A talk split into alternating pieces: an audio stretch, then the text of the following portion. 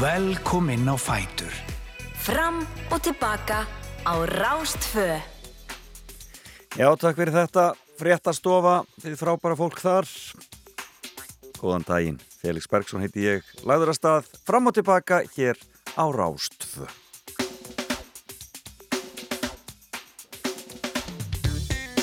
Hann er napur í höfuborginni þennan morgunin. Samt er það svo skrítið að þegar maður er búin að vera svona lengi í svona mínus 10, mínus 7 upp í mínus 10, það finnst manni mínus 7 ekkert sérstaklega kallt. En það er nú bara svona, það er svona ennu aðlöðunar hefni mannsins. En um, já, hann var napur í morgun, ég viðkynni það. ég laka til að vera með ykkur í fram og tilbaka þannig að morgunin fæ frábæra gesti hér til mín. Það eru tvær góðar konur sem að ætla að gleyði okkur þennan morgunin. Byrjum á handa af íslensku bókmyndavelun, Steininni Sigurðardóttur. Það voru lengi á dasgrána að fá hana í heimsókn og hún ætlar að koma hér til mín og fjalla um fimm staði sem hafa haft áhrif á lífina. Hún er mikill farfuglun steinun en líka dásamlega skemmtilegu viðmarandi og það er eftir að heyra hér í viðtalinu á eftir. Staðirnir eru eins ólíkir og þeir eru margir, það getur sagt ykkur. Og svo auðvitað kemur velunabókin frábæra ból við sögu uh, og það er nú aldeilis uh, fín bókaferðinni. Verlunabók Í síður hlutu þáttarins fæ ég heimsókn hana Önnu Hildi Guðmundsdóttur forman S.A.A. Ég hef aldrei hitt hana og hlakka mikið til að hitta þá góðu konu en þau hjá S.A.A. standa fyrir miklu átaki í februar, svona edru februar eða edruar eins og þau kalla það og þetta er náttúrulega átak sem er bara fyrst og fremst ætlað til þess að auka heitl og hamingju í íslensku þjóðurinnar og það er nú bara ekkert um að gott um það að segja og það verður gaman að kynast henni Önnu Hildi hér nánar og eftir og heyra svona aðeins af því sem við erum bardúsa hjá S.A.A öflugur félagskapur þar á ferðinni. Já, en uh, við hugsum til, á Reykjanesið vona að það sé ekki of kallt hjá ykkur, kæru vinir þar uh, og uh, að þeir séu að fá hita til ykkar aftur og við fylgjumst að sjálfsögða áfram með frettunum af því öllu saman en gósið virðist minnstakosti hafa loknast út af í byli og við bara býðum rólega eftir því næsta. Það mun öruglega koma en eh, vonandi tekst að, að, að vernda innviðina. Það er stóra málið í auknaflikinu viðist vera. Eh, og voru mikla fréttir í gær af eh, aðgerðum ríkistjórnar þannig að það verður mikið rætt um helgina og næstu daga, engin spurning.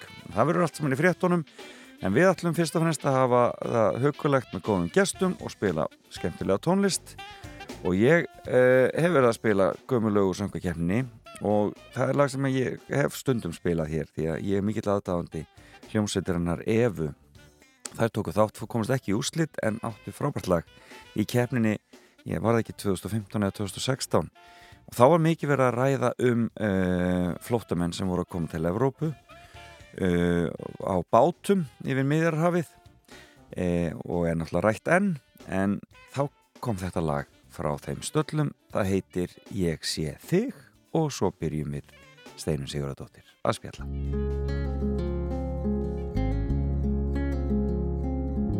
Kebab,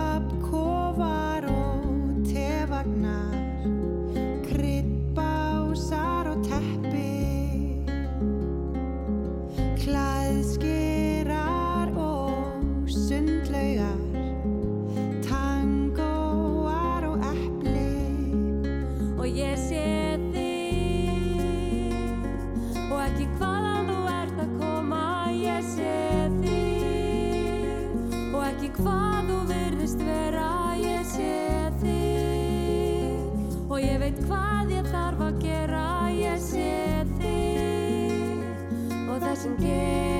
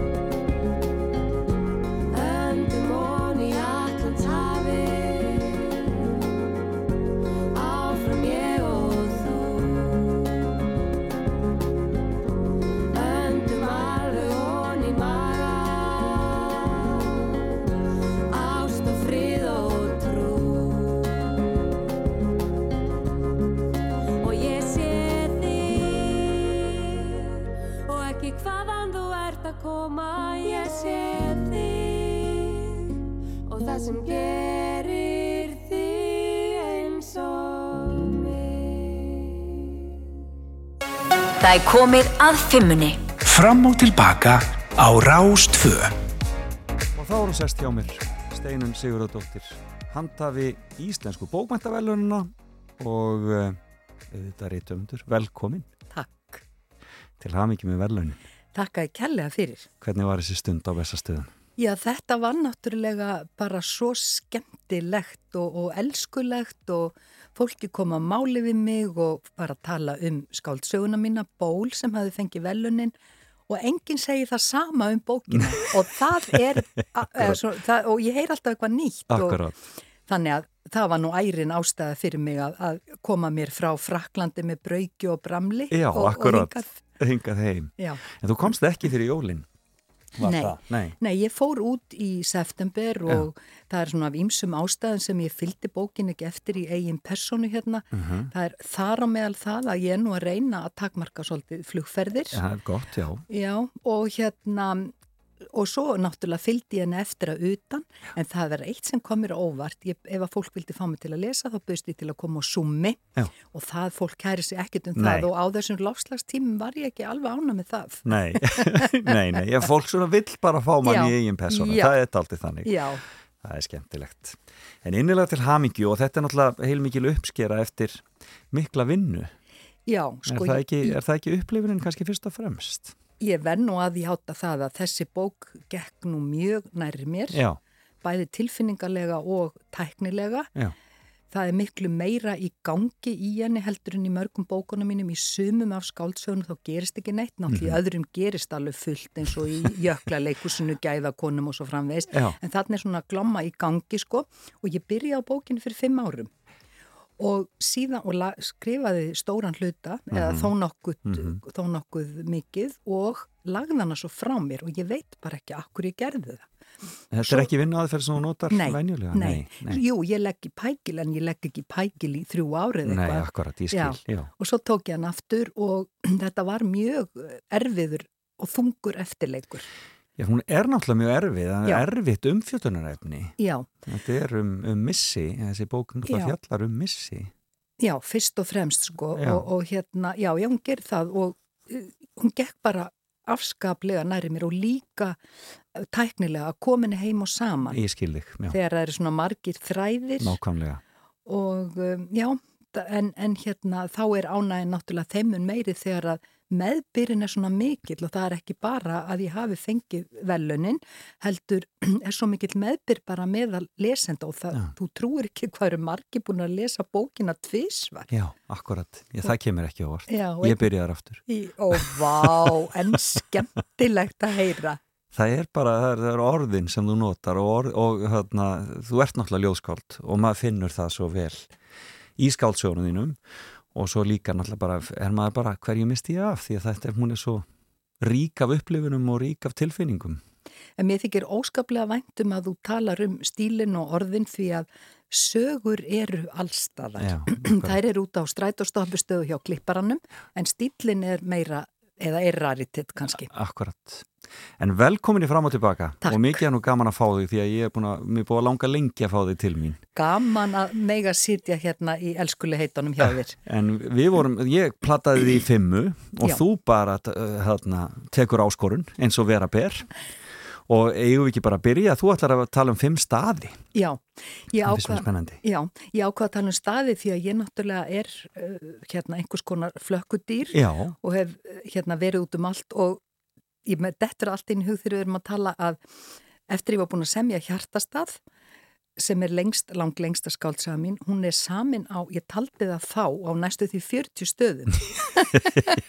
hún alltaf samin á nokkru árabili og þar á meðal í Tókíó sem ég ætla að tala um á eftir. ok.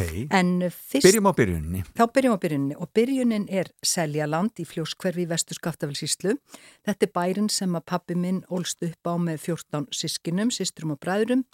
Fimm urðu eftir á bænum, fjórir bræður og ein sýstir til að annast þá, Já, eða kallmennina, eins og hún sagði með sínum skaftfelska hreim og málfríðu föðusýsti mín. Og, og þangað kem ég fyrst rigningasumari mikla 1955 Það er bara svoleiðis. og þannig er að brúin brotnar að múla kvísl daginn sem við ætlum pappa ætlar að keira okkur austur mig og mömmu og litla bróður. Og þannig við fljúum og lendum hann annarkvort á kirkibæðklustri að fagurhólsmýri í mangi hvort Já. og Sigmundur á Núpum sem var frænd okkar hann sótt okkur á jeppa sem ég vissum að vantaði rúðurnar í og og hérna í þá daga þá lá afleggjarinn upp að bænum öðruvís en hann gerir núna Já. þannig að þegar maður fer, sko maður sem sagt þetta er svona 20 km fyrir austan kirkjubæðaklustur og svo fer maður upp með hverfisfljóti eða ná, nála tí og upp að hlýðinni sem er svona nokkuð skona framhald að síður hlýðum getum við sagt, sí svona og þá lá vegurinn yfir óbrúað vatn og það fyrsta sem ég hef þá séð af hlýðinni var fossin og fjór kletturinn í kring. Það eru tveir klettir sem sagt, hann er umlukin klettum. Já. Og þarna setti pappi svo niður lítið sumarhús, það sem er núna mitt atkvarf. En dásamlegt. Og svo vorum við þarna og kynntumst um, skaftfelskunni og öllu í, í hérna, þetta rigninga sumar og síðan fekk ég að vera þarna í sveit og þar fann ég mig svo vel. Já, með mitt. Sko, þessi, skaftfelskan eins og hún var stundu á þessum bæ, hún fólst meðal annars í nostri Já.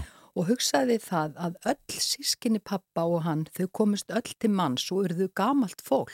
Hvað voru þau mörg? Þau voru, þau voru nú víst 15 í allt pluss einn hálf bróðir og ég held að ein, en ein stúlkan var alveg upp að mestu á öðrum bæ. Ég skil. En þau, börni lifðu öll Magnað. Já, það er náttúrulega hluta til kannski að þakka einágrun jökulátnar og það en það voru tvær konur í heimili sem sagt móðir og amma og ég held að sé nostrið sem að held lífin í börnunum Já. og hreinlæti, mér var sagt þau máttu ekki drekka pela hvað út úr öðru til dæmis. Já, já. Já, þannig að þetta er það sem heldur lífi í barni. Þannig að fólk hafði bara vit á þessu á, á, á, á þeim tíma. Þetta fólk hafði það akkurat. Og svo er annað ótrúlegt dæmi einmitt um nostur og umhyggju og það er það, þegar pappi var lítið þá gæti hann ekki sagt R. Og það er náttúrulega þó nokkur föllun að vera skrollandi Já. og fólk líður heilmikið fyrir það. Þau gáfu sig ekki fyrir en að þau voru búin að kenna honum að segja R og það er fræg, hann átti sýstur sem hétt Gerða Já. og það er fræg sagan að því þegar pappi kom hlaupandi upp túnið og sagði Gerða, Gerða, Reykjavík, Reykjavík. Já, hann var komið með það. Hann búin að ná því. já, finnst þetta ekki finnst Þetta óindislegt? ótrúlega dásanlegt, já. Já. Algjörlega. Að þau áttuðu sig á því að þetta væri ekki gott veganesti. Hvenar, hvenar er pappiðin fættur? Hann er fættu 15 Já, og það einmitt. fyrsta sem að pappi mann, það er náttúrulega köllugósi 1918. Það er bara svo Það eru skruggur og myrkur um miðjan dag og hurðina skellast. Já, hérna hér. Já. Þetta manan. Já, fyrsta. Já, makalust. En, þarna, en, en, hvar fæðist þú steinun? Sko ég er fætt bara í Reykjavík á Já. Og foreldraðinni þá uh, byggu hér? Já, þau, við átti lengi heima, eða ég átti fyrsta árin heima á Langusvegi 22, það Já. er á hotninu á Ásvegi og Langusvegi og mitt leiksvæði voru vatnagarðar. Já. Og það var sko ekki búið að, að hrópla við neinu þar. Nei, það var ekkert, ekkert eimskipafélag komið þar nei. á þeim Og- tíma, eða samskip, já. Og svo er ég að hugsa sko að krakkarnir fengu að leika sér hann í fjörunni og við vorum eftirlitslaus. Já, akkurat. Já, já, ásverðu deis. Já, er þetta eins og, eins og maðurinn sagði. Já, magna, þannig að, en, en, en, en þessi, en hvernig var að komast austur, sko, það er náttúrulega ekki, ringvegurinn kemur ekki fyrir 74. Nei, og, og þannig að ég sá jökulinn minn aldrei úr návíi fyrir en eftir 1974 Já, já, en þegar ég var lítil að reka kýtnar austum með hlýðunum þá horfi ég á þessa ótrúlegu kvelvingu eða kvel, jökulkvel og svona dreymi dagdrauma eins og er líst í ljóðabókinu minni Dimmumót sem kom 2019 og fjall er svona sorgaróður um hverfandi vatnajökul með sjálfsæfisögulegu ívafi. Og um, það var alltilega að komast austur en þetta var náttúrulega miklu lengri ferð. Auðvitað. Og vegurinn í gegnum skaftáreldarhaun var bara æluvegur því að það fór upp og niður og maður var, maður alltaf bílveiku þar sko. Alltaf. Já, en mann hlakkaði svo ótrúlega samt til að koma á Seljaland, gestrisnin þar svo ótrúleg Hvað voru þau mörg sem byggu þar fyrir Fimm. svona, já þau eru fimm sískinni. semst fjóri bræður og ein sýstir þetta var svo sérstætt samfélag tekið þvílíkt á móti fólki og ekki bara með viðurgjörningi mat og drikk heldur sagnaskemmt Já. það var alltaf, voru alltaf sagða sögur við eldursporfi Og var ekki spurt frétta. jú, jú, jú, Það jú. er, er það ekki þannig líka, það var, það, það, þannig allir fótt tækifæri til þess að láta ljósitt aðeins Jú, skína. jú, það var það, þetta voru samræðu meistarar og tungu takið hjá fólkinu Mhm. og þau náttúrulega töluðu með sínum sérstaka, dra- drógu svolítið seimin, sérstaklega föðusisti mín Málfríður og svo þegar ég kynntist þessu svæði svona upp á nýtt eða á nýjan þegar ég skrifaði bókinum heiðu og ljótastöðum í skaftatungu þá talar hún nákvæmlega eins og þau, til dæmis hún myndi ekki segja Bói Ágússon, hún myndi segja Bói Ágústsson Já, og ekki á daginn heldur á daginn. Dæin. en fóreldræðinni voru þau bókmentafólk, Sigurður Pálsson og Anna Margrét Kolbeinsdóttir. Þau nefnilega voru það, en upp á sinn mátan. Pappi var bóluhjálmas eh, aðdáandi og fór, mig, fór með, og pappa, pappa þótti rosalega gaman að fara með vísur já, og svo var hann líka aðdáandi Jóns Helgasonar og fór með áfanga fyrir okkur. Og, og það er nú einar af mínum fínustu benskuminningum, það er þegar að pappi, hann var sko- verið bílstjóru og var svo mikið út á landi, fínustu minningum á, það eru sunnudagsmótnandi þegar pappi las fyrir mann undir sæng úr vísnabókinni, illu lækur eftir leiðis, ég skal muna þig og allt þetta Þetta er sko. Já, mamma var, uh, en mamma, hún var aðdáðandi nútíma ljóðlistar. Já, Hún eh, var með Stein Steinar og Hannes Pétursson og, og þaðan kemur hugmyndin þegar ég er úlingur að, að, að byrja að yrkja ljóð, annars hefði mér aldrei dottið í hug. er hún reykvíkingur að upplægi eða hvað? Nei, nei, nei, mamma er úr Grímsnesin, hún er frá Eyvík í Grímsnesi. Já, já, já. já. En hún er í, hún er í nútíma ljóðristinni. Mam, já, það Og er steyður því nefnilega þá áfram þín fyrstu skref þegar þú ert að fara að stað. Sko, alla vegana þá, sko, mam, manni var ekki hrós. Nei. En maður fekk tí... Nei, en maður fekk tíu einhverju Já, og kom alveg blaðskellandi heim. Já. Ég var með mjög háar einhverju svona lengi framan Já. og fekk tíu og sjáðu mamma, ég fekk tíu, þá sagði hann já og passaði að fá aftur tíu næst. en í einum af hennar sjálfgefu rósköstum að þá rósaði mér og líkti mig við Stein Steinar og það var frekar snemma á ferlinum og ég hef aldrei glemt þessu. en dásanlegt. Já, það skilur, þetta eru hluti sem ekki gleymast. Ef hrósið er spara, þá er það svo stórt þegar það loksins. Já, það er nefnilega það það sko. sem er sko. Já, Heyrðu, en næsti staður, já, nú erum við Nú. búin með bara, Seljaland, já, heyrðu, eigum ekki bara að vippa okkur til Tókjó. en hvað það er skemmtilegt. Já, og sko, þannig er að ég var með japanstellu frá því ég var lítil. Já, Það var til uh, ljósmyndabók heima með myndum frá Japan og ég lá í þessu hilluð og svo voru litakassar með einhverjum svona feitum litum og það var mynda Fusiyama já, og ég gondi á þetta og, og, og var, já, sem sagt, heilluð af þessu. Svo þegar ég er orðin unglingur og er í MR, að þá hérna kvikmyndaklúburinnar sem breytti náttúrulega lífum hans, þeir síndu myndina í Kiru eða að lifa eftir Kurosawa Mhm. og það er mynd sem breytti lífum mínu. það er bara Það svoleiðis. er mynd um uh, hérna algjört möppudýr sem vinnur hjá borginni í Tókjó og kemst að því að hann á sex mánuð eftir ólifað, hann er með magakrabba Mhm.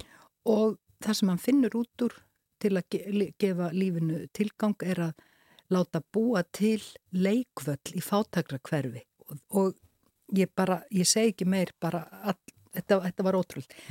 Svo er þannig komið uh, cirka 1993 að manninu mínum, Þorstinni Haugsinni tónskáldi, hún er bóðið að koma og vera staðar tónskáld í tónlistarháskóla í Tókjó. Mhm. Og þangað fer hann tvísva sinnum og er fjóra mánuð í einu og ég fekk að vera með honum í bæði skiptin og gatt verið alveg stóran hluta tímanum, ekki alveg allan.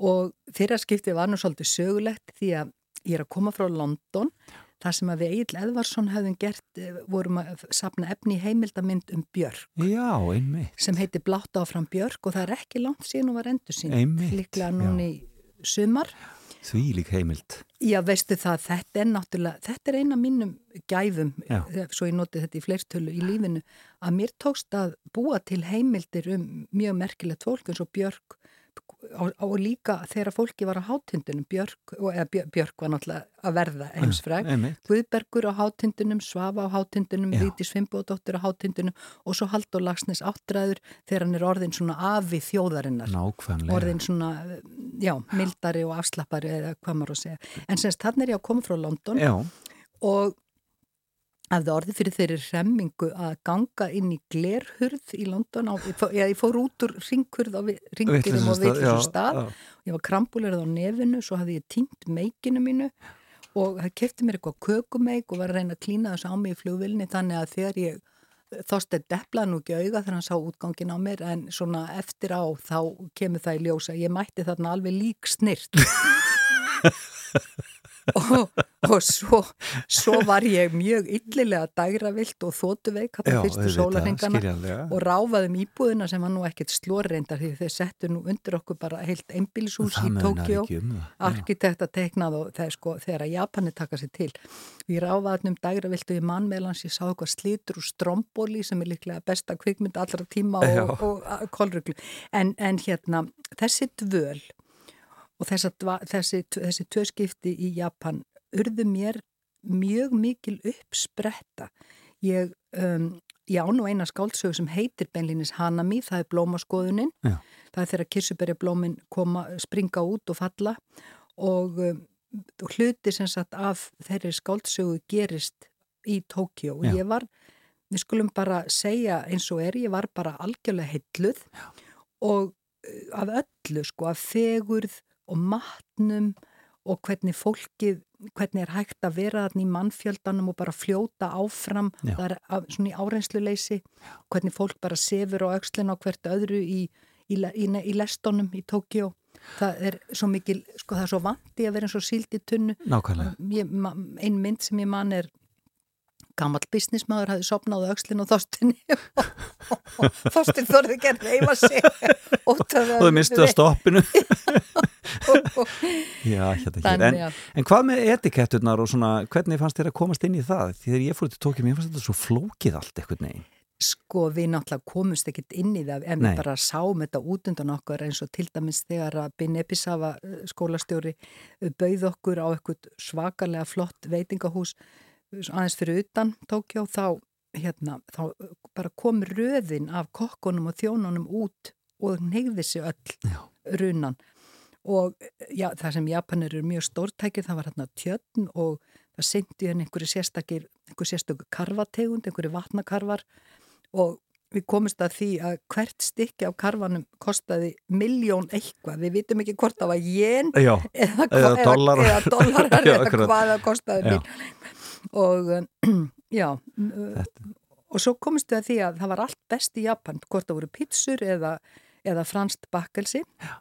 Og síðan var þetta sko ekki bara mér, ég var að vinna í hjartastað þegar Já. ég var í Tókjó en hanna mér náttúrulega skrifið í London, þetta er allt svoleiðis hjá mér. Einmitt. En þetta var Þorsteini sko mjög uh, hérna frjór tími, hann, hann er náttúrulega samið alveg ókjöra geggjaflottri tónlist og þarna semur hann meðal annars Bells of Earth 1 sem er samin fyrir stærsta klukknaspil í Asíu sem er í þessum tónlistarháskóla Mhm. fyrir slagverk og tölvuljóð og svo samt hann líka Bells of Earth 2 sem er fyrir symfóníu, hljómsveit og tölvuljóð búið að flytja það oft og, og sem sagt, þetta var rosalega frjór og stórkostlegu tími. En skemmtilegt. Já.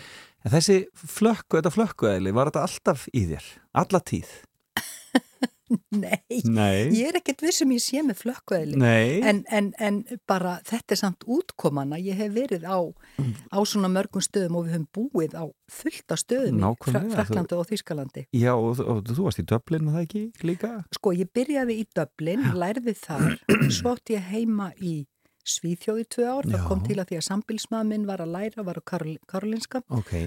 Og síðan er ég búin að vera alveg með annan fótinn sko búsetu frá svona 2000 Já, sko. í Þískaland og Fraklandi. Í Þískaland og Frakland á mörgum mismunandi stöðum, bæði í Berlin og Paris til dæmis. Dásamlegt. Já, það er dásamlegt og ég held að ástæðan fyrir því samt sem að þú kannski kalla flökkuel og er það kannski, það er bara, ég er alltaf að leita mér að inspirasjón Já. og f- f- fara í nýtt umhverfi og, og finna eitthvað nýtt til að dástað og, og það sparkar svo í mann Já, akkurat. fara á nýjan stað. Það gerir það svo sannlega. Já. Og það leiður okkur að þriðja stað. Þá erum við komin hvorki meira niður minna en á heilsustofnun í hveragerði. Það er snill. Sko, á ég bara að segja hvernig þetta vildi allt til. Segðu mér, segðu Já. mér.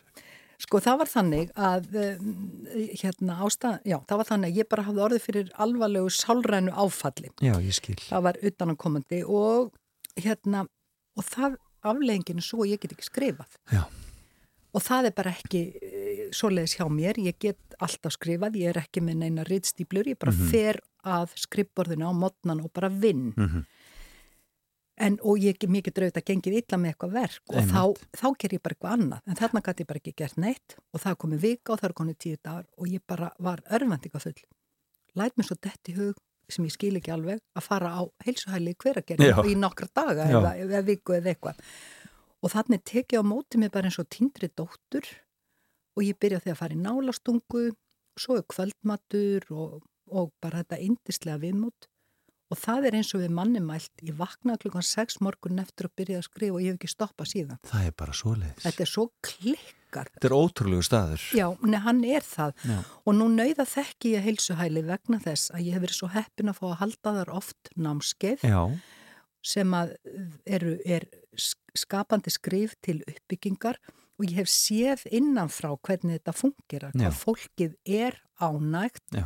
hvað það tekur miklum framförum og ég vil segja það að heilsustofnun í hveragerði, hún er gangandi dæmi um það hvað Íslendingar geta gert Mhm, að það skuli hafa verið hægt í þessu fámenna landi að byggja upp þennan stað, viðstu, mér finnst þetta eiginlega eins og ligasaga og um, hérna ég veit að og- margir eru sammálaðir sem, sem hafa upplifað sko. Já, og til, og til sko svo mikillar fyrirmyndar. Mhm. þess vegna þú veist að þegar að hlutir fara úrskeiðis hérna og hugsa maður alltaf þetta þarf ekki að fara úrskeiðis. Þetta við getum sko, svo margt svo miklu miklu betur en þarna. Þetta er sko hérna, fyrirmynd og uppörfun síðan náttúrulega er umhverfið þarna já. en þetta fyrsta skipti sem ég kom reyndar það var náttúrulega sko háfaða skamdegi og skablar og snjór og, og, Já, og, já. og, og hálka og allt en, en það var alveg sama en svo þegar vorið kemur að sko umhverfið er það er algjört undur og hjálpa svo til Dásamlegt. Já, Hefur farið aftur og dvalið eða þegar ég færði fyrst ársins þarna í námskeiðshald? sko ég er náttúrulega af því að ég er búsett í Fraklandi Já. þó ég sé náttúrulega heilmikið inn á Íslandi Já. þá er ég ekki inn í sjúkrasamlæinu Nei, skil. svo ég get ekki leift mér að vera þarna langdölum en ég get skotið mér inn sko í heilsu dvöl í einhverja daga En dásamlegt. Já, og, og hérna náttúrulega maður bara peppast upp á fáinu dögum að koma þarna sko. Já, náttúrulega góða vini sem vinna þarna líka og, og svo er þessi dásamlega sundlög þeirra. Heyrðu á bæðu vei, ég talaði eins og við sundlögverðu var eitthvað að spurja hann svona úti að því að reyfingi vatni á að vera það skásta sem já. getur fyrir sig gert ef eitthvað er. Og þá hann, ég hef bara séð fólk koma hérna og skrýða onni í laugina og svo stendur það bíspert upp úr henn eftir fjóra vikur. Þetta er magna. Já, það er magnar. Ég er alveg- alveg viss um að þetta er rétt hjá hann. Já. Heyrðu, við skulum taka okkur smá pásu. Vorið kemur heimur hlínar. Hjartað mitt, það er vikivaki. Af hverju eru við að fara að spila það? Já, það er nefnilega vegna þess að ég fann það út hvað þetta væri mikill, eh, mikill hérna kvartningar og innilegur eh, hérna hjarta söngur svo ég byrjaði alltaf sessjónirna mínar á námskefunum á því að láta alla segja í kór vorið kemur, heimur hlínar, hjarta mitt og stundum bara sungum við það. Dásanlegt. Skulum heyra og svo höldum við Steinu Sigurðardóttir áfram að spjalla. Sunnan yfir sæin breiða, sumarilinn vindar leiða, draumalandið hímin heiða, lær og opnar skautið sitt. Vori kemur heimur hlínar, hjartað mitt.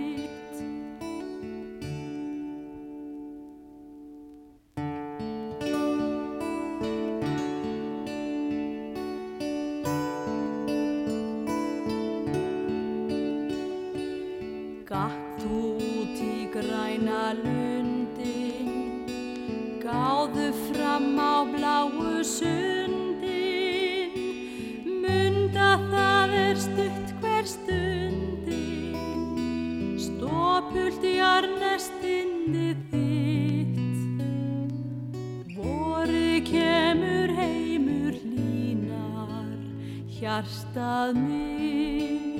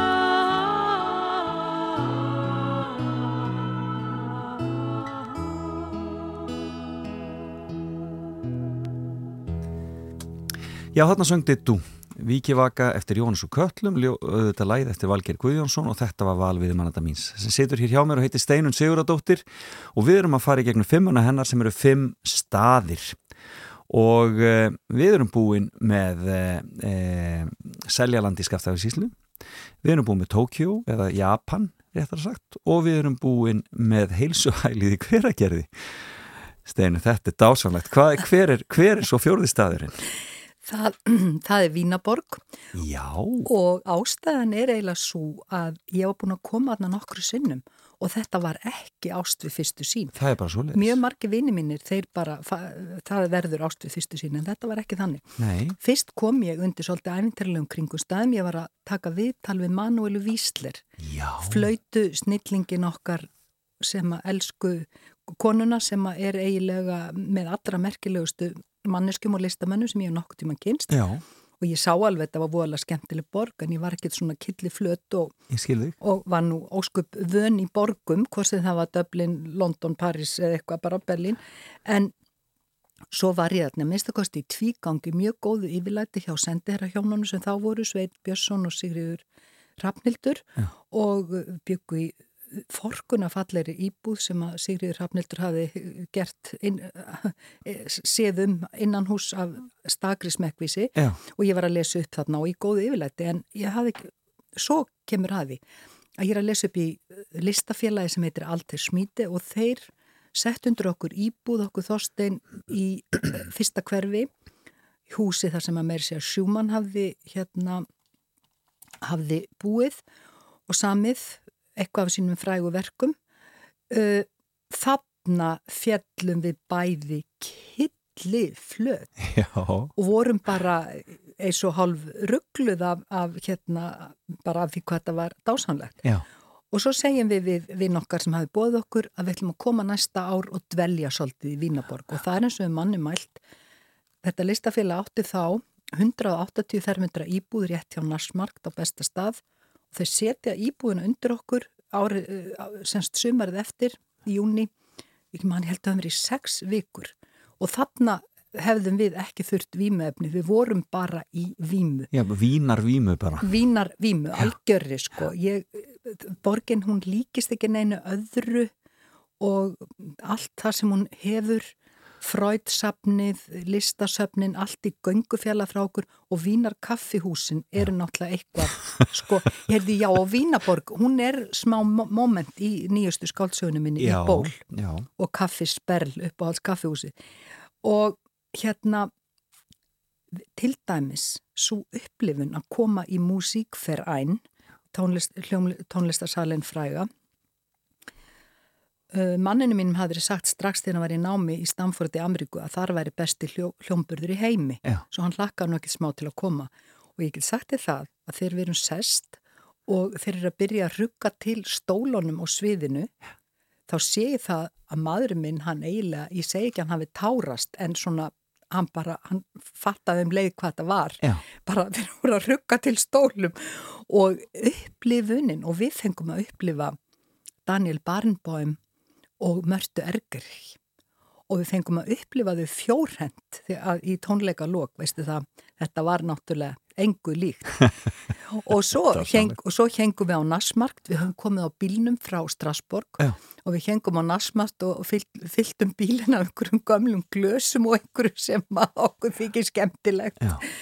og náttúrulega fórum þarna á fleiri tónleika þar meðal upplifnið við þarna píjánuleikaran frægasur Andras Schiff sem að ég þekki reyndar því að við hefðum tróðið upp saman á hérna ólíklegri uppákomu í Luzern á vegum Náið Zürichetsætung og það var uppákoma sem fjallaði um húmor Já, og við já. vorum þar tvö með frægum þýskum grínista sem heitir Harald skemmtilegt. Já, já, það eru alls konar hérna, tengingar út um allt. Akkurat. En við hugsum okkur aldeilis gott til glóðarinnar að komast aftur til Vínaborgar því það er bara einhver stemning þar sem ég get ekki eiginlega komið orðum yfir. En ég skil mjög vel það sem hún segir með að það hafi ekki verið viss fyrst, því hún er náttúrulega svo þung sko, þegar fyrst þegar maður kemur, hún er eitthvað svo stór og þung einhvern veginn, sko, byggingarnar og, en, en svo einhvern veginn opnast hún svolítið fyrir manni. Já, já, það var eitthvað sem gerist og Já. náttúrulega arkitektúrin, maður minn, Já. sko. Og svo þetta- þessi markaðir sem hún segir einmitt, Já, sko. og grænu svæðin og ef, svo fannst mér líka viðmóti var svo elskulegt. Dásamlegt.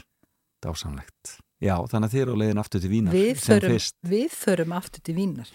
En þið eru náttúrulega tveir listamenn að vinna saman og Þorsteinn í sinni tónlist og þú í þinni, í þi- þinni, þinni, þinni orðsnild.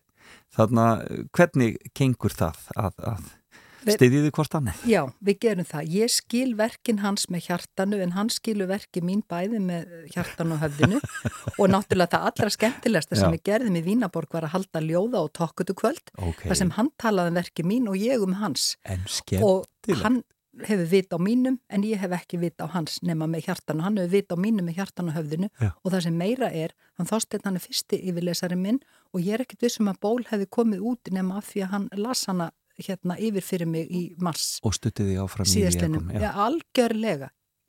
Eigum við að heyra eh, eina tokkötu, þarna, brotur tokkötu sem var á þessu kvöldi þarna í Vín, eða ekki? Það líst mér á og þetta er Tinna Þorstinsdóttir sem leikur á píanóið og tokkutundan eru samdar fyrir hana.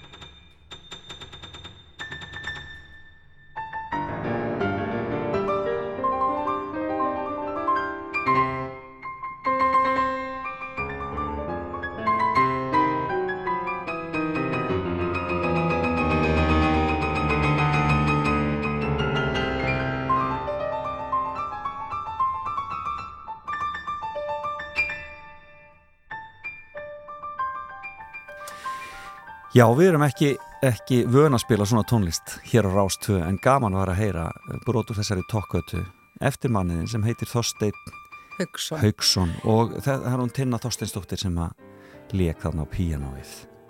En þetta var tengdist vínar dvölinni. Já, En um, þá erum við komið fjórastæði, við hefum einn eftir og tíminn hleypur frá eins og venilega.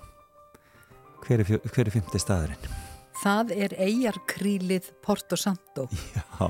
sem tilheri Portugal Já, og er svona tveggja tíma sigling frá Madeira. Ok. og þannig er að við þásteinn hefur mjög oft verið á Madeira, það kemur til að tilviljun fóreldrar hans keftu time sér á hóteliða Já. og þessar dvalir hafa skipt okkur alveg gríðalegu máli, við vinnum náttúrulega alltaf, við erum ekki í fríi. Nei, nei, nema síðdeis erum við í fríi og vinnum og þarna hef ég og hann, við höfum skrifað sumt af því sem okkur þykir einna vænstum af öllu. Og snemma á þessu ferli kynntist ég Porto Santo. Ég gæti hafa komið ánga fyrst fyrir 30 árum, ég er ekki viss. Og ég hef skrifað enda löst hluti um eigarkrílið, uh, ljóð og svo framvegis, aldrei undir nafni fyrir en 2012 í skáldsögu sem heiti Fyrir Lísu, þá fór ég allarleið með þetta og sendi hérna söguhetjuna mína bara í frí til Portosatt og, og lísti Já, eigunni. já. Þetta er sem sagt, uh, eigan er eiginlega ekki neitt nema gullströnd, gilt gullströnd Já. sem er 8 kilometrar og svo svona tveir uh, eldfjalla, uh, tveir svona smá eldfjalla gígar, eitthvað svo leys. En það er alvöru þorp þar eða smábær sem heitir Vila Baleiras og þar er allt sem þú þart. Þar er súpumarkaðurinn og, og kaffihúsin og veitingastæðirnir og líka náttúrulega eru veitingastæðir á ströndinni. Já. Við erum aðna alltaf að vetralagi og það er alltaf 20 steg að hiti Þetta er dásalegt. og þegar við vorum aðnum daginn í kringum jólinn gengum hérna alla ströndina í einu eitt daginn, það eru 8 kilometrar já, hvort við mættum 5 eða 10 manns veit ég ekki, við höfðum þetta útaf fyrir okkur Já. og horfðum á fugglana hérna leika sér við ölduna og þetta er náttúrulega sko engu líkt en náttúrulega á þessum ástíma þá er ekki mikið af hérna veitingastöðum og börum á ströndinni en það breytist á sumrin en við erum ekkert á leiðinni þarna að, að sumarlægi. Nei, þetta- akkurat, þið njótið þess á, á vetrum. Já, þegar, þegar að svona opbóslega fáir eru og uh, sko það er sagt að þessi sandur, þessi gullsandur hann hafi lækningamátt, það er mikið magnésium í honum Já. og fólk er að grafa sér hólur og, og vera bara í umluki sandi Já. og það vill svo til sem hérna auka saga að þegar ég las hérna uh, æfisögu Samuel Beckett þá kemur í ljós að hann hafi verið þarna og ég er alveg vissum að þar fær hann hugmyndina að, hérna, að því að grafa fólkið honni sandmóldi eða hvaða nú er í Happy Days Já, já, bara, ég. er, er, en, en, en, en æfisögurittarinn hafði greinilega ekkit vitað um þennan sið að fólk væri að grafa sig honni í sandinanna Já. þannig að hann kveikti ekki á því en Nei, ég- akkurat, en ég- þú náðir þessu. Ég náður þessu Það er dásamlegt. Já, Þetta er náttúrulega stórkostlegt og þetta er bara út í, út í Ballarhafi, miði Allandshafi. sko bara, það er nefnilega málið og, og þetta er in the middle of nowhere sko Nákvæmlega. og þannig að ég get ekki ímynda með hvaða mengun ætti að vera þarna og fiskurinn náttúrulega algjörlega ferskur og bara loftið virðist vera sko alveg tandur reynd og sjórin þetta er dásamlegt. Ég, og, og hérna og, og manni líður bara eins og maður eigi eiguna þegar enginn er þarna á ströndinni nema maður sjálfur og maður gengur bara endalust þarna í, í sandinum og veður í sjónum og, og allt þetta. Og, og fegurðinn sko, þetta er ólýsanlegt. Og þannig er sá veitingastæður í heiminum sem við höldum mest upp og hann er út á endanum á eiginni og þar er ekkert nema þessi veitingastæður og svo er sm- smá sund og svo er smá kletta eiga og, og ágættu matur og mjög gott viðmót. Þetta er dásamlegt. Gæti ekki man, betra man verið. dreymir um þetta sko. Já. En þú samti ljóð sem að þú vilt deila með okkur hér í lókin. Sko eitt af mörgum, mörgur sem ég hef samið með þessa eigu er Sandeyjan eitt og hún byrtist upprunalega í ljóðabók sem heitir Hugástir og kom 99 og ljóðið er svona. Sigling út sjónarrönd. Leitin snýst um litla eigu með langri sandströnd. Þú ferð endalaust hjá minkandi eigu með stækkandi strönd. Þinn aflanga skuttháa bát með ljós í mastri ber loksins að eigarkríli úr eintómum sandi og kringlót hafið í kring liggur að engu landi. Hvaðan ert þú þá komin? Þú stýgur í sandin, það er ekki í annað að stíga, hann rennur með öldunni út undan iljónum á þér og það styrnir á rennandi sandin. Eftir fá einn skref verður fyrir þér flaska án skeitis á beði af strykum eftir vaðfuglafætur. Dásanlegt. Steinu Sigurðardóttir, kæra þakkir fyrir komuna í fram og tilbaka. Takk. Olha que coisa mais linda, mais cheia de graça. Ela, menina que vem e que passa, num doce balanço, caminho do mar. Moça do corpo dourado do sol de Ipanema, o seu balançado é mais que um poema, é a coisa mais linda que eu já vi passar. Ah, porque estou tão sozinho. Ah, porque tudo é tão triste. A beleza que existe, a beleza que não é só minha, que também passa sozinha. Se ela soubesse que quando ela passa, o mundo sorrindo se enche de graça e fica mais lindo por causa do amor. tall and and young and lovely.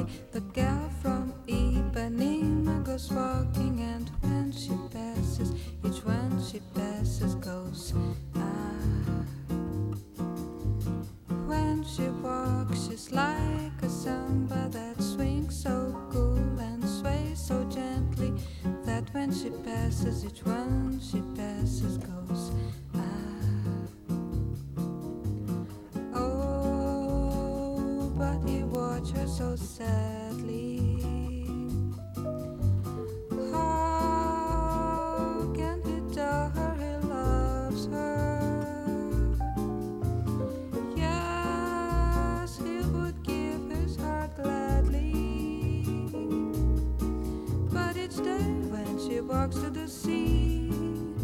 She looks straight ahead, not at him. Tall and tan and young and lovely, the gal from Ipanema goes walking, and when she passes, he smiles, but she doesn't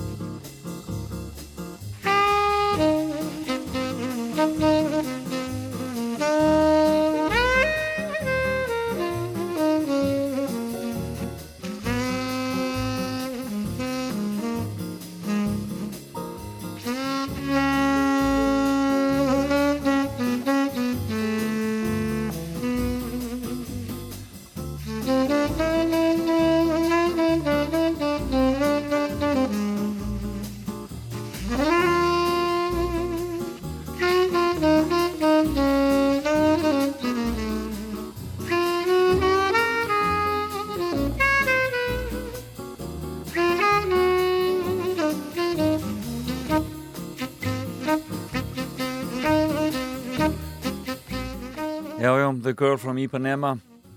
Þarna sungið á portugalsku og ennsku nema hvað. Og Steinu Sigurðardóttir farin út dyr. Mikið var gaman að fá hann að hinga til okkar í fram og tilbaka. Staðinni 5 sem hún sagði okkur frá. Sælilandi Skaftafellsíslu, Japan.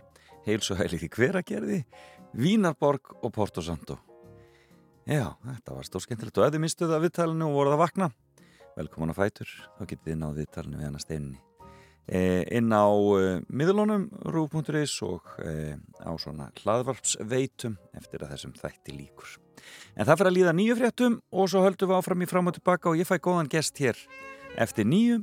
Það er Anna Hildur Guðmundsdóttir sem er formaður S.A.A. og við ætlum að þess að ræða um edruar og hana sjálfa og bara svona lífið og tilveruna en endum þetta fyrir nýju með Jóa Helga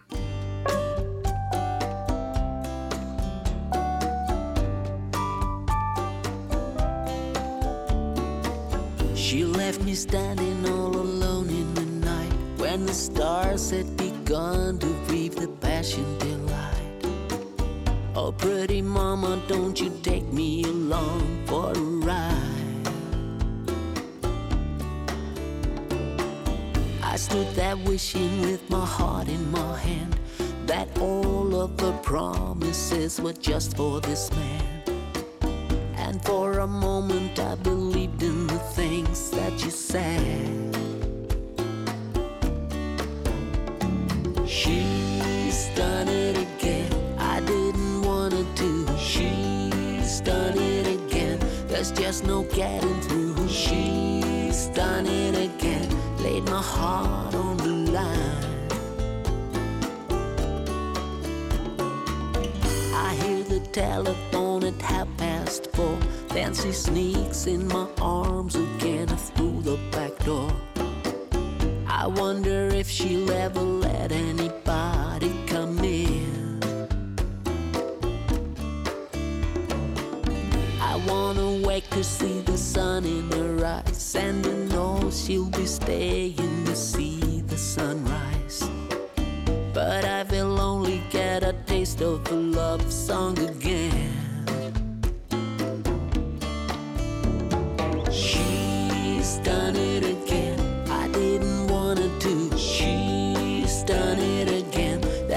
No getting through. She's done it again. Laid my heart on the line. She's done it again. She's gone and left me blue. She's done it again. That's just no getting through. She's done it again. Laid my heart on the line.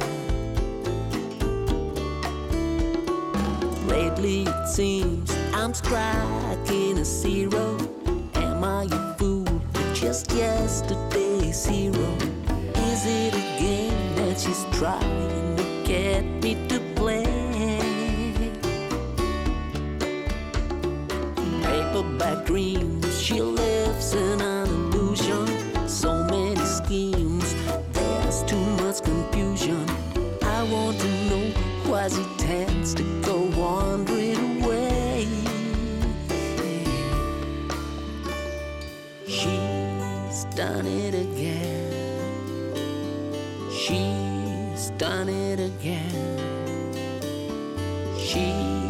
done it again.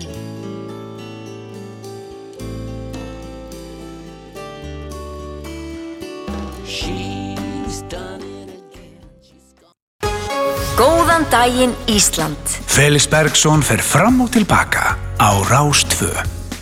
Já, sannlega að hlusta Rás 2 Þátturinn er fram og tilbaka og við ætlum að hafa það hugulegt eitt klukkutími viðbót áður en við hleypum sölku sól að en um, við byrjum þetta með GTRN og Átnasinni hann mun vera Finnur Átnason og þetta lag heitir Sagt Er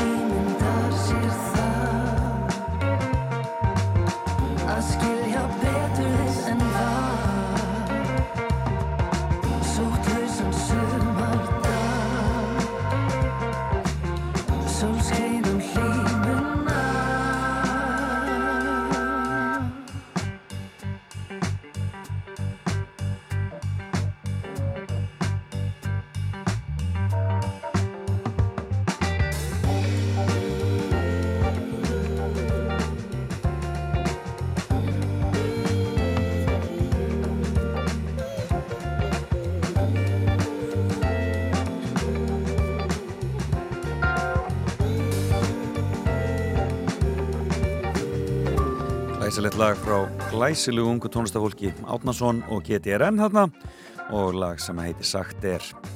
Það fyrir að líða því við fáum hann önnu Hildi Guðmundsdóttur hér í hljóðver. Hún er formaður S.A.A. Við ætlum að þess að ræða málinn um hana sjálfa og um S.A.A. og, og um, Edrú februar eða Edrúar sem S.A.A. stendur fyrir þessa dagana. En eitt lag viðbútt með þetta lag kom upp í huga núna í laginn. Fór að langa til þess að spila þetta fyrir ykkur. Þetta er, þetta eru Magnús og Jóhann, við spilum eins og Jóhann hérna aðeins fyrir klukka nýju. Þetta er nokkuð svona Magnús í fararbrótið þarna e, og um, þetta er algjörlega frábært lag og ég held að margi ekki tengtu þetta. Sumir dagar, þeir eru bara svona.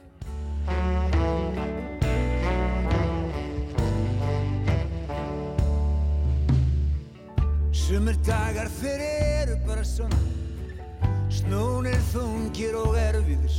Að þú sopna léttur að kveldi Vaknar af mótni og allt er í steik. En í rauninni gerðist ekkert nýtt nema bara Já ég meina það.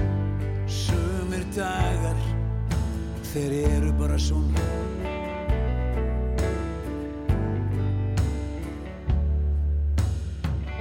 Þeir koma alltaf jafn óvænt og þeir detta bara á eins og veðrið. Og það eina sem hægt er að gera er að lifa daginn af og segja við sjálfum sig Þetta hlýtur að taka enda. Já ég meina sumir dagar, sumir dagar, þeir eru bara svona.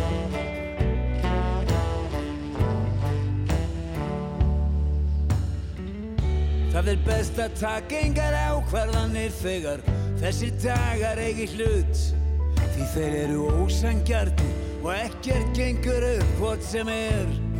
Það eina sem hægt er að gera er að býða þá af sér. Já ég meina það. Sumir dagar, sumir dagar Þeir eru bara svona.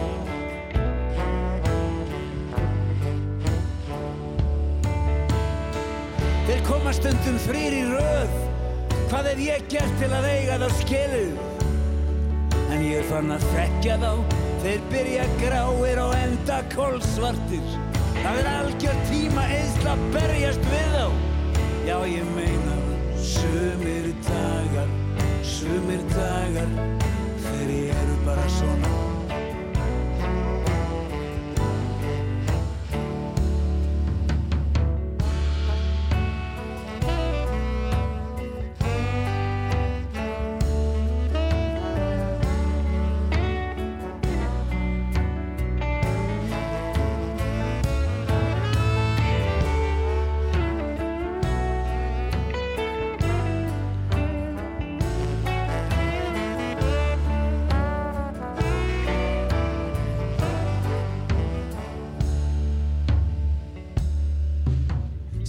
Svo vaknar maður upp eitt daginn Hellir upp á og allt er kveld skýrt. Það er ekki ský á lofti og allt eins og það á að vera. Og þá er nú eins gott að njóta dagsins það gengur hvortið er allt upp. Sumir dagar, sumir dagar þeir eru bara svona. Sumir dagar, sumir dagar þeir eru bara svona. Sumir dagar, sumir dagar. Þeir eru bara svona. Sumir dagar, sumir dagar. Þeir eru bara svona.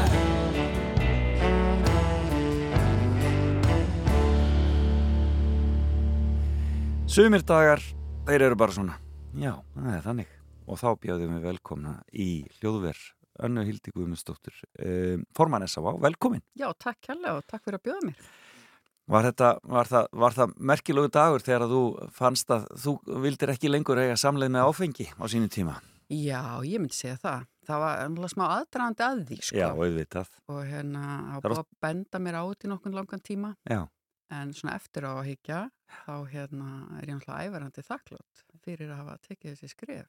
Það er að tala um að fólk þurfa að finna sinn botn, svona, að finna einhvern veginn Mhm. staðinn þar sem það getur spyrnt í botnin. Mm.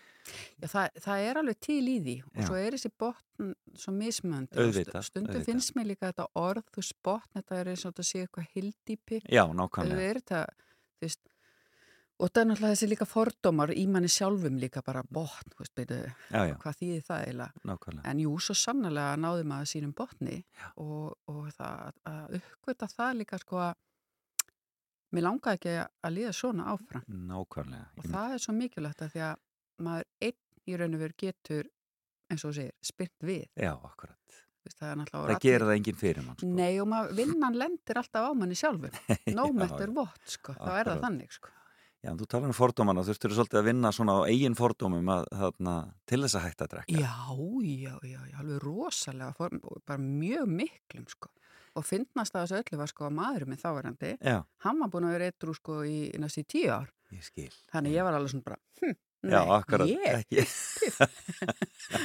þannig að hérna, þetta, þetta er skemmtileg saga, já En, af, en hvað er það, hverju erum við búin að vefja áfengi inn í allt okkar samfélag að, að, að það að drekka ekki er eins og það sé einhvern veginn að maður sé að taka sig út úr samfélaginu einhvern móta. sko, það eru markasöflun sko Já, þetta er bara óbúðslega samfélagslega samþygt nákvæmlega. og, Og þegar, okkur- þegar við drekkum þá er gaman. Já. Það er eitthvað svoleiðis. Já, og líka bara öflin eru mjög sterk. Já. Þetta er allstar í öllum auðlýsingum, þetta er í öllum kvikmyndum. Mhm. Þú veist, þetta er, við erum búin að upphefja dýrðina við það að drekka áfengi. Já, akkurat. Þá að maður að slaka á, þá að maður að hafa gaman, þetta tekur frá manni kvíða og la la la la la. Einmitt. En á endanum, þá kostar þetta okkur alveg rosalega mikið. Já, sko er ekki að stöðut að koma fram rannsóknir sem segja okkur um, hva, hversu slæmt áfengi er fyrir Heilsuna. heilsuna og allt kerfið bara. Já. Og bara hefur gífulega áhrif á svefnin. Einmitt. Eh, þetta, það er talið að séu 20, eða samt bein, bein áhrif á 5 25 tegundur að krabbamenni til dæmis. Það er bara svo leiðis. Þar með, þar með tala brjóstakrafum minn í konum. Þetta er ótrúlegar. Þetta er bara, bara rosal og maður finnur það líka Já. þegar maður hættir að drekka og að hérna að einhvern veginn, maður, maður fær meiri vitund fyrir sjálfur sér. Já, nákvæmlega. Og skemmtilegt líka að viðtalina á Rás 2 uh, hvað, uh, hana, þegar við vorum að byrja eitthvað á februar við eitt strák sem að er búin að vera eitthvað í eitt ár. Og hann var einmitt að segja sko, hérna, hvað hann væri alltaf að hún væri alltaf að líða betur og betur. Já. þannig að frá því að hann hætti að drekka og þanga til núna eitt ár Já. líða hann svo miklu miklu betur. Þannig að hann sagðist vera svo spenntur að sjá hvernig hann myndi líða að líða eftir tvö ár. Veist, fyrst, hann var, fyrst hann var alltaf betur og betri Já, og raun að vera að fara út úr þessari heila þóku Já, þannig að maður verður einhvern veginn við það að lifa þessum áfengisleisa lífstíla þegar ég til þetta sé lífstíl Mhm. þegar maður er síðan búin að ná tökum á þessu. Já, veist, þetta er alveg, maður þarf alveg margir ekki allir, þurfa þetta að fara í meðferð og.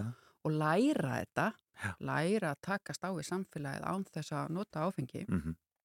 en svo einhvern veginn þegar það er komið þá verður þetta svona lífstíl hjá manni Já, akkurat. þannig að ég er rosalega ég er rosalega stolt af því Dásamlegt. mm. Þarna, e, svona þú ert, þú ert núna formaður S.A.A. Já. Það þýðir það að þú ert að starfa hér uh, í höfuborginni. Já. En þú ert á norðan, eða býrð þeirri norðan. Já, ég bý á Akureyri. Hvernig, hvernig gengur þetta upp? Það er náttúrulega bara góðar samgöngur Já. og hérna, þannig ég svona Þannig að þú kemur á mándagsmotni og... Já, og fer heim um, stundum fer ég heim á 50 með föstu dögum, Já. stundum er ég líka bara að vinna fyrir norðan, af því að við læruðum það náttúrulega í COVID Einmitt. Fjárvinnslir í lagi. Já, já, Teams náttúrulega bara svínvirkar og ég er náttúrulega oft mikið bara í símanum Já. þannig að maður getur alveg verið heima þá Já.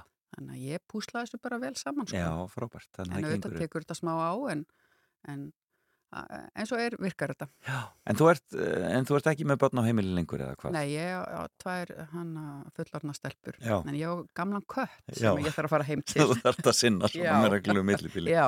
Já, einmitt. Ég lasi eitthvað, eitthvað grein eftir að þú sagðist vera fótboltamamma. Nei, ég er handbóltamamma Handboltamamma, já, þannig var það. Ég á stelpu sem spilar með IBVF Já, já, já. og hérna, hérna hún er út í eigum og, og hérna hann er rosa gaman, ég er búin að fylgja, fylgja henni lengi, Þannig að að ert- lengi ertu, bekknum ertu brjálaða típan á, Mm. á, á pöllunum? uh, Já, nei Jú, jú, það heyrist alveg í mér Já. og hérna, en ég er ekki þessi sem að Jú, jú, ég er brjálaða mamma, ég skal það, en ekkit íkt samt. Nei, ekkert, ekkert En ég er aðra. stolt af henni og, og rosa gaman að fylgja börnunum sinn í þessu. Akkurat. Og hérna, ég er búin að sitja í mörg ár á hörðum bekkjum í alls konar íþróttahúsum. En hvað gerður áður þú fórst inn í þennan geira, inn í áfengisgeira? Herri, ég er náttúrulega búin að vinna lengi í honum. Sko. Nú, ok. Ég er sem sagt áfengis og vímöfnarákjafi. Ok. Byrjaði að vinna hjá S.A.A. árið 2005. Já, Fyrir það var ég, ég hætti náttúrulega bara að drekka, ég, ég hætti að drekka árið 2003. já, Uh, bjóð þá Erlendis, bjóð á Spáni. já, Svo þegar ég kom heim og þá ákvað ég að sækja um vinnu hjá S.A.A. já. og hóf, hóf störf í mæ. Og ert búin að vinna í þessum geira síðan Já, var að vinna hjá S.A.A. til 2015 eða 16 minni mig. Fór þá að vinna hjá Akureybæ Já. og var áfengis og výmennar aðgjafi á velferðarsviði Akureybæ. einmitt. Svo hef ég verið mikið í pólitík Nú, og já, já. var hérna bæjarfulltrúi hjá, eða sent hjá ellistanum. Já, já, einmitt. Þeim, þeim, þeim, svo mikla success stu- saga. Já, var- ég þeir- hérna byrjaði fyrst með bæjarlistanum á sínu tíma með Já, já. gummvinni mínum heitnum og mér skaman á svona samfélagsmálum Einmitt. mikið áhuga á að, svona, Að gera samfélagi betra. já og ég, eh, já, ég hef það Frábært, frábært. Mm. Og alltaf akkureringur í... Já, ég er akkureringur þó svo ég hef búið, ég hef búið hér og ég bjó ellendis og, Já, en það er svona ræturnar eru þar, þú veist, mér veist hérna Hvað rólst upp á akkureri? brekkunni, brekkuguttunni það í er... núna upp í kringlumýri. Þannig að ég er alltaf, hef líka búið út fyrir á. Já, þannig að þú hérna komið víða við. Já, já, Já. það er hérna. En að, það sem að mér finnst svo gott við Akureyri er einhvern veginn, það er stutt í náttúruna, um, það er stutt í allt saman, Einmitt, um, minni umferð nákvæmlega. og einhvern veginn svona bara takturinn er allur hægari. Já, Þannig að þegar maður er búin að vera hérna alla vikuna, þá finnst mér rosalega gott einhvern veginn að fara norður og eins og maður segir svona núlstilla mig. Já, það er svolítið með akkureri, það er svona stillurnar í, stillurnar í veðrunu verða stillurnar í fólkinu svolítið. Já, það er og það er svo þannig. fyndi hérna, eitt sem að vinna með mér, hann, hann, ringir, hann ringir alltaf í mig á föstum, sko. Já. Hann bara, var ég að vekja þig? Já. Ég bara, nei, þú manst, ég er heima. Já, akkurat, það er bara, akkurat. Þannig að, Það er dálítið Mm, gott. já. En þetta átak ykkar, eh, edruar.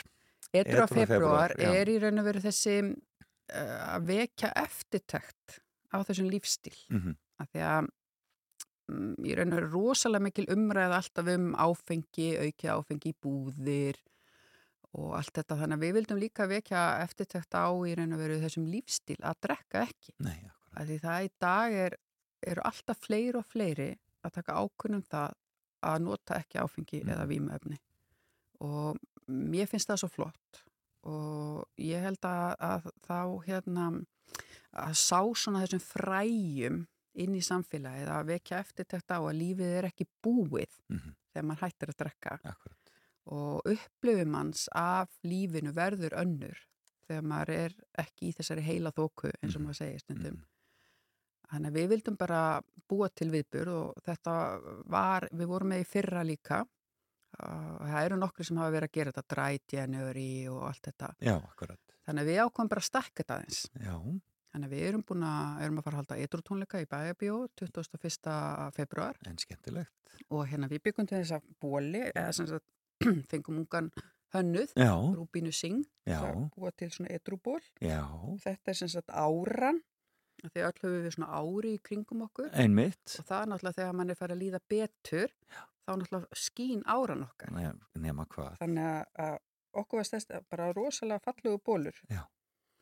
Og svo erum við með e, kynningu með blöss á þriðdæn. Ok, Já, það er þessi sjálfsást. já, akkurat. Að hérna, það er rosalega mikilvægt að hérna, maður hugsi vel um sig Nákvæmlega. og, hérna, og svo ætlum við að vera með umræðu kvöld 29. februar með Gunnari Hersvein og Láru Lækni á Vogi Já. í efstaleiti um Bara- þetta hvað er að vera etru, hvað er etru lífstíl Já. eða áfengisleis líf, lífstíl. Akkurat á, á, á deginum sjálfum, 29. februar. Já, 2024, lokadegi. já. Já. Það Mm. er almennilegt. Mm. Um, finnst þér fólk vera að kveikja á þessu? Finnst þér fólk vera Já. að kveikja á, á því að þetta sé um, betra líf? Já, mér finnst það en, en þeir sem að, þetta fer rosalega lágt að því hinn öflin eru ennþá stærri. Ja, meinar markasöflin þá er Já. rauninni í kringum áfengið. Já, en, en þegar maður hittir fólk og er að Mhm. tala um þetta, þá verða allir mjög svona hrifnir. Já. flott hjá þér, ég held ofta að sé líka, uh, ef að þú hættir að drekka og áttir í vandræði með það, Mhm. hvað því segir það um mig? Og held ég að fólk oft hugsi þannig.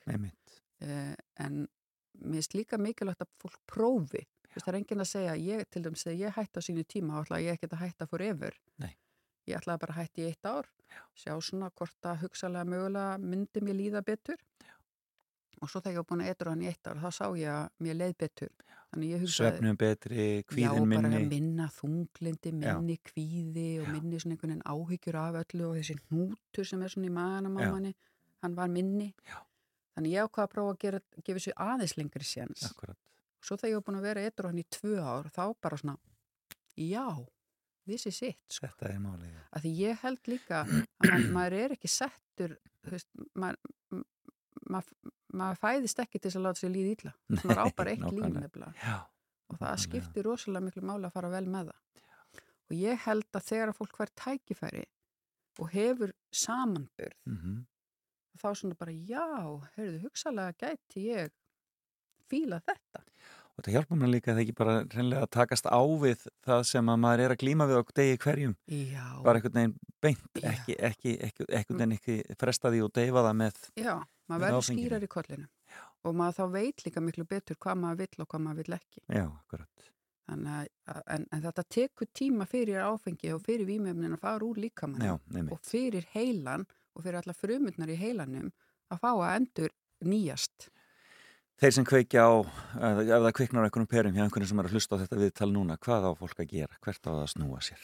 Sko, fólk getur snúið sér til okkar á gangudeldina og alltaf, veist, og eins og ég segi, það þarf ekkert endilega að fara í meðferð, Nei. en það er kannski gott að fara að tala við einhvern Já, Og þá vill, já, til dæmis bara það, byrja Já. þar. og fara og tala við einhvern rákjafa og bara spyrja og meina maður getur tekið svona sjálfspróf á netinu á Mhm. vefsíðin okkar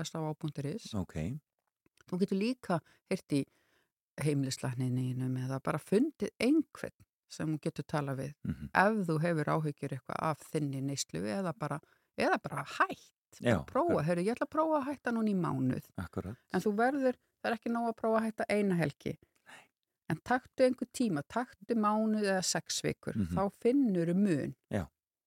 þannig að en, en ég hvet fólk til að prófa Og það er bara einmitt mjög velt að ná sér upplýsingar og aðstóð eh, inn á sa.is. Já, og það eru símanúmeru okkar og bara um að gera ringja og, og panta tíma hjá rákjafa. Hvernig verður helgin hjá þér, Anna Hildur? Ertu að fara aftur norður? Eða? Já, ég ætla að fara heim Já. og knúsa köttin minn. Knúsa köttinn, já. Svo ætla ég að fara og hitta vinkona mínar aðeins og svo fer ég sund og gera eitthvað svona gott. Dásamlegt. Mm. Frábært að fá því fram og tilbaka. Kæra þekki fyrir að gera þér ferð og koma hinga til mín. Heru, takk alveg fyrir að bjóða mér. Og gangið þið vel. Takk, takk. Ljúfur laugardagur Fram og tilbaka á Rástvö.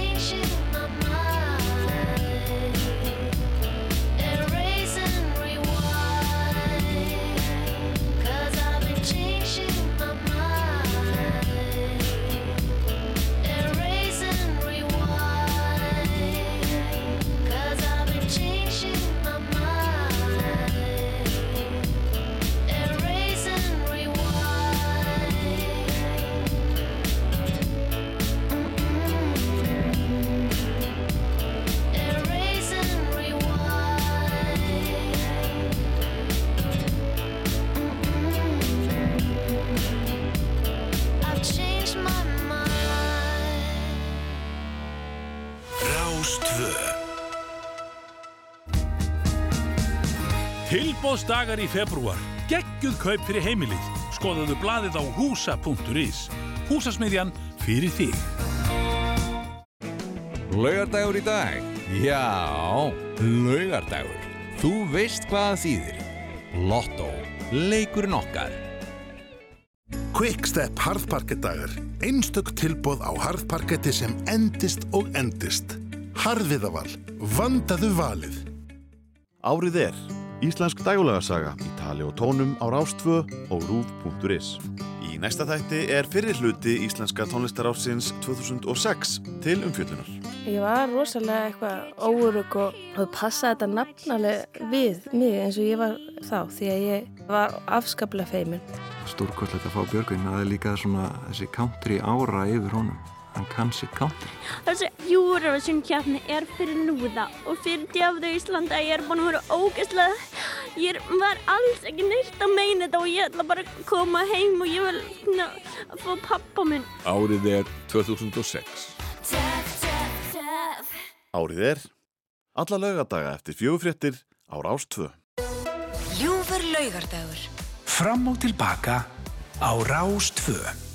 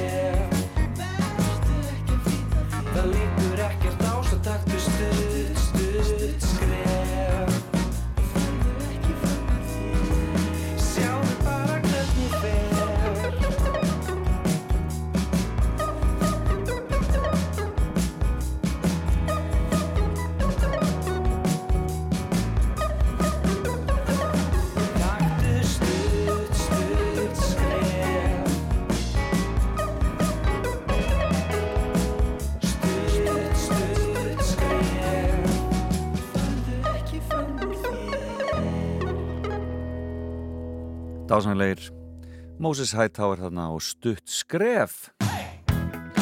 Þess er ekki síðri. Þetta eru Talking Heads. Og þetta er svo skemmtilegt. And She Was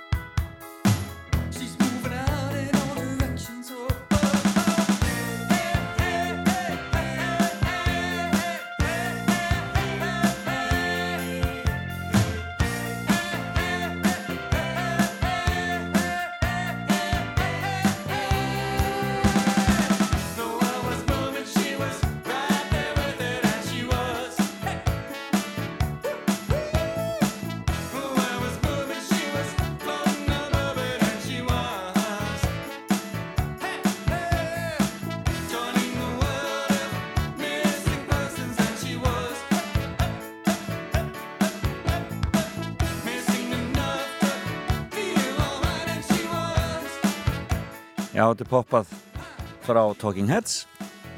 And She Was heitir það. Geggja lag.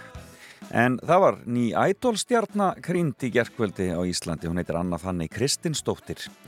Og um, hún kefti til úslita uh, á, já, þau voru held í þrjú sem voru í þarna úslita kvöldin ég sá nú ekki þáttinn sjálfur en þetta er greinilega glæsileg söngkona sem þarna ferðinu og í úslita þættinum söng hún uh, Amy Winehouse slagaran Back to Black þannig að um, já, það er gaman að þeirra þessir krakkar koma svona uh, fullsköpuð inn í íslenska tónlistabransan en það er náttúrulega mikið leið eftir eins og allir vita. Það er ekki nóg að syngja í einu sjónvastætti nú, þar, nú tekur vinnan við þannig að það verður áhugavert að sjá hvort að Anna Fanny á eftir að standa undir þeirri pressu allir saman. En uh, já, glæsileg, glæsileg útsending hjá stöðu 2 og um, vel gert að halda ædolinu gangandi. Og nú verður e, sjónvastúdíónu þar sem ædolið fór fram snúið við og e, söngakefnin sett þangað inn. Og hún byrjar næsta laugardag í þessu sama stúdíói sem er þá ekki lengur ædolhöllin heldur söngakefnishöllin upp í Fossaleini sem er eiginlega alveg þarna upp í Egilshöll. En við eigum ekkert með henni önnu fannegu hér í kerfinu hjá okkur en við eigum lagið sem hún söng í gerkveldi Back to Black, hér er Amy Winehouse það mun vera að koma kvikmyndum Amy. Það verður spennand að sjá eh, hvort að henni sé sínt svo virðing sem hún á skilið en það kemur allt saman í ljós. En hér er Back to Black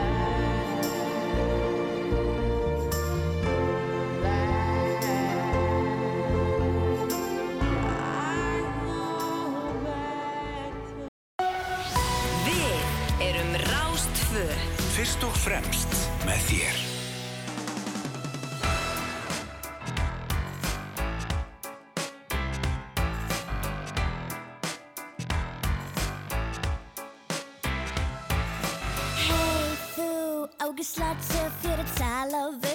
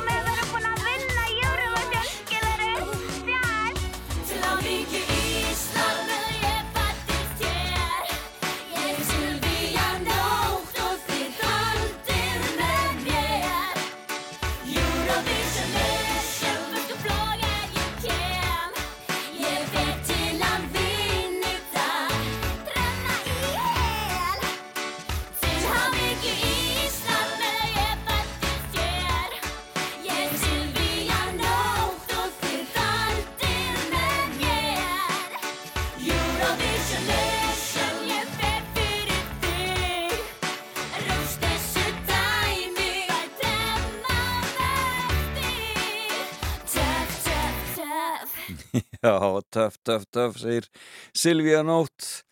Ágústa Eva þarna fyrir á kostum sem Silvíja. Þetta er náttúrulega frá árinu 2006 og það er akkurat það sem árið er fjallar um að þessu sinni í dag.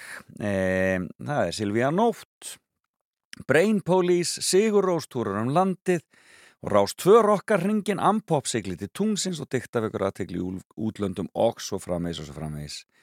Bakalútur og bórugla sem að reytum. Þetta verður rosalega þáttur í dag klukkan fjögur. E, árið er 2006 fyrri hluti í dag og síðan e, en eftir þannig þátt þá tekur Salkarsól við auðvitað klukkan 10 svo eftir hátægisvetna hljóðvegur 1 fram að árinu sem er og svo í kvöld er það e, lagalistin og e, e, það er hún e, Lofísa Rauð sem með hann og það er gestur hennar að þessu sinni er Logi Höskuldsson e, myndistamæður og e, e, það verður gaman að heyra hvernig lagalistin hans lítur út. Já, nóg í gangi hjá okkur á Rástvö en það eru fleiri sem hafa tekið þáttu Eurovision en Silvíja Nótt, til dæmis Sistur og Elin Ey þar í farabroti hérna er lag sem að hún kom með fyrir nokkrum mánu síðan sem heitir Ljósið. Dásamlegt danspop frá Elinu Má ég ekki bara vera eins og ég vil? Ætlum við í alvörun að spila þetta spil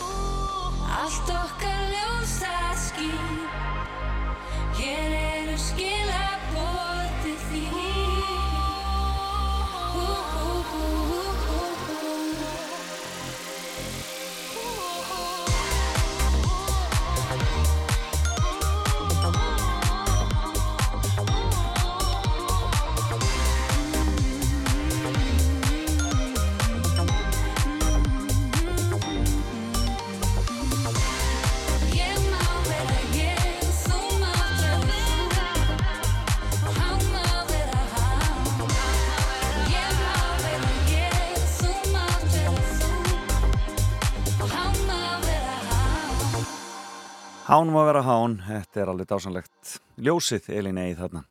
En það voru margir snortnir að fylgjast með Grammy-velunum í vikunni. Já, auðvitað að sjá uh, hann að laufi okkar vinna þarna velun og vera stórkostlegar hinlega á sviðinu. En líka þegar þau komu saman Tracy Chapman og Luke Combs til þess að syngja Fast Car. Ég bara, ég bara fekk tárin í augun þegar ég horfði á þann flutning. Ótrúlega flott að sjá Tracy Chapman koma þarna og Fast Car slá í gegn fyrir nýja kynnslóð eina ferðina en ótrúlega flott en það eitt magnaðasta poplag síðar í tíma var náttúrulega kom fra, fram á nýjönda áratögnum en er núna gríðarlega vinsalt í bandaríkjunum og ef ekki bara heyra þess að Luke Combs útgáfu sem er að gera það svona gott. Og uh, ég ætla bara að láta þessu loki hjá mér í dag þakka viðmannandum mínum Steininni Siguradóttur og Önnu Hildi Guðmundsdóttur og ykkur fyrir að hlusta. Heyrumst aftur eftir viku. Bless bless. Anywhere. Maybe we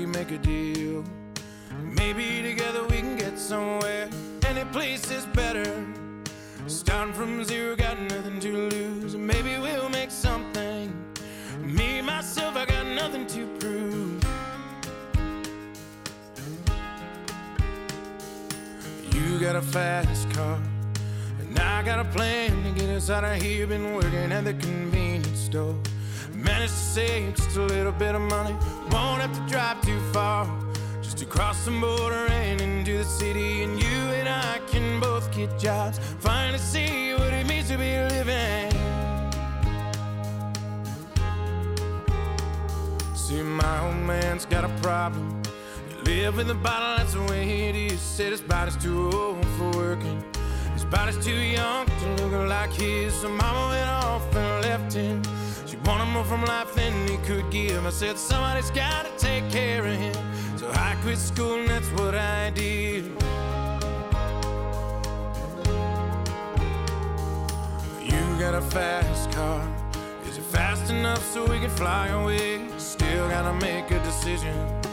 Leave tonight or live or die this way. So I remember when we were driving, driving in your car. Speed so fast, it felt like I was drunk.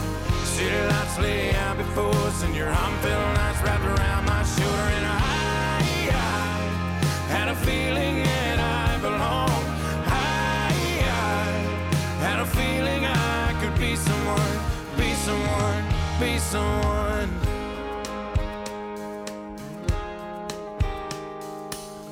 Got a fast car. We go cruising, entertain ourselves. Still ain't got a job. So I work in the market as a checkout girl. I know things will get better. You'll find a work and I'll get promoted and we'll move out of the shelter. Buy a bigger house, live in the suburbs.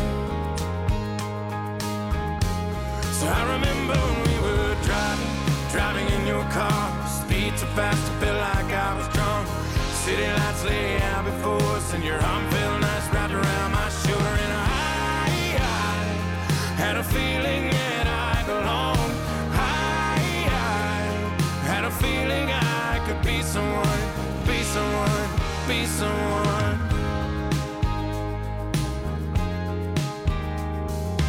You got a fast car. I got a job that pays all our bills. You stay out drinking late at the bar. See more of your friends than you do your kids.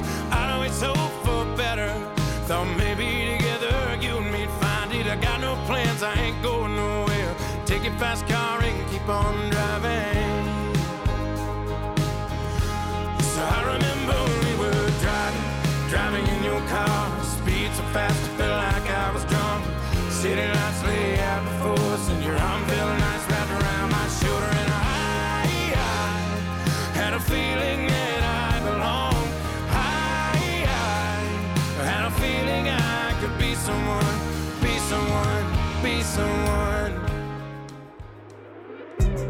Þú ert að hlusta á Fram og Tilbaka á Rástvö.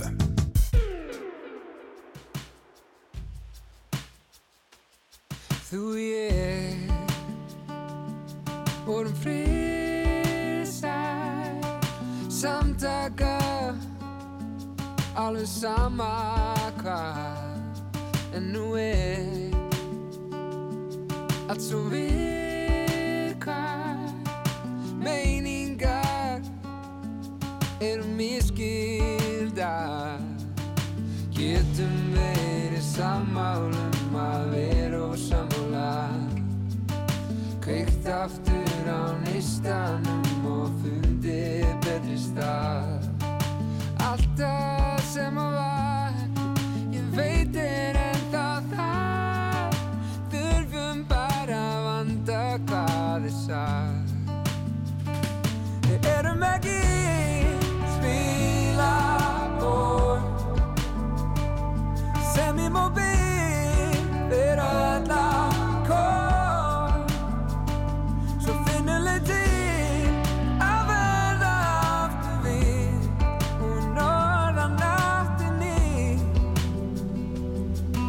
falla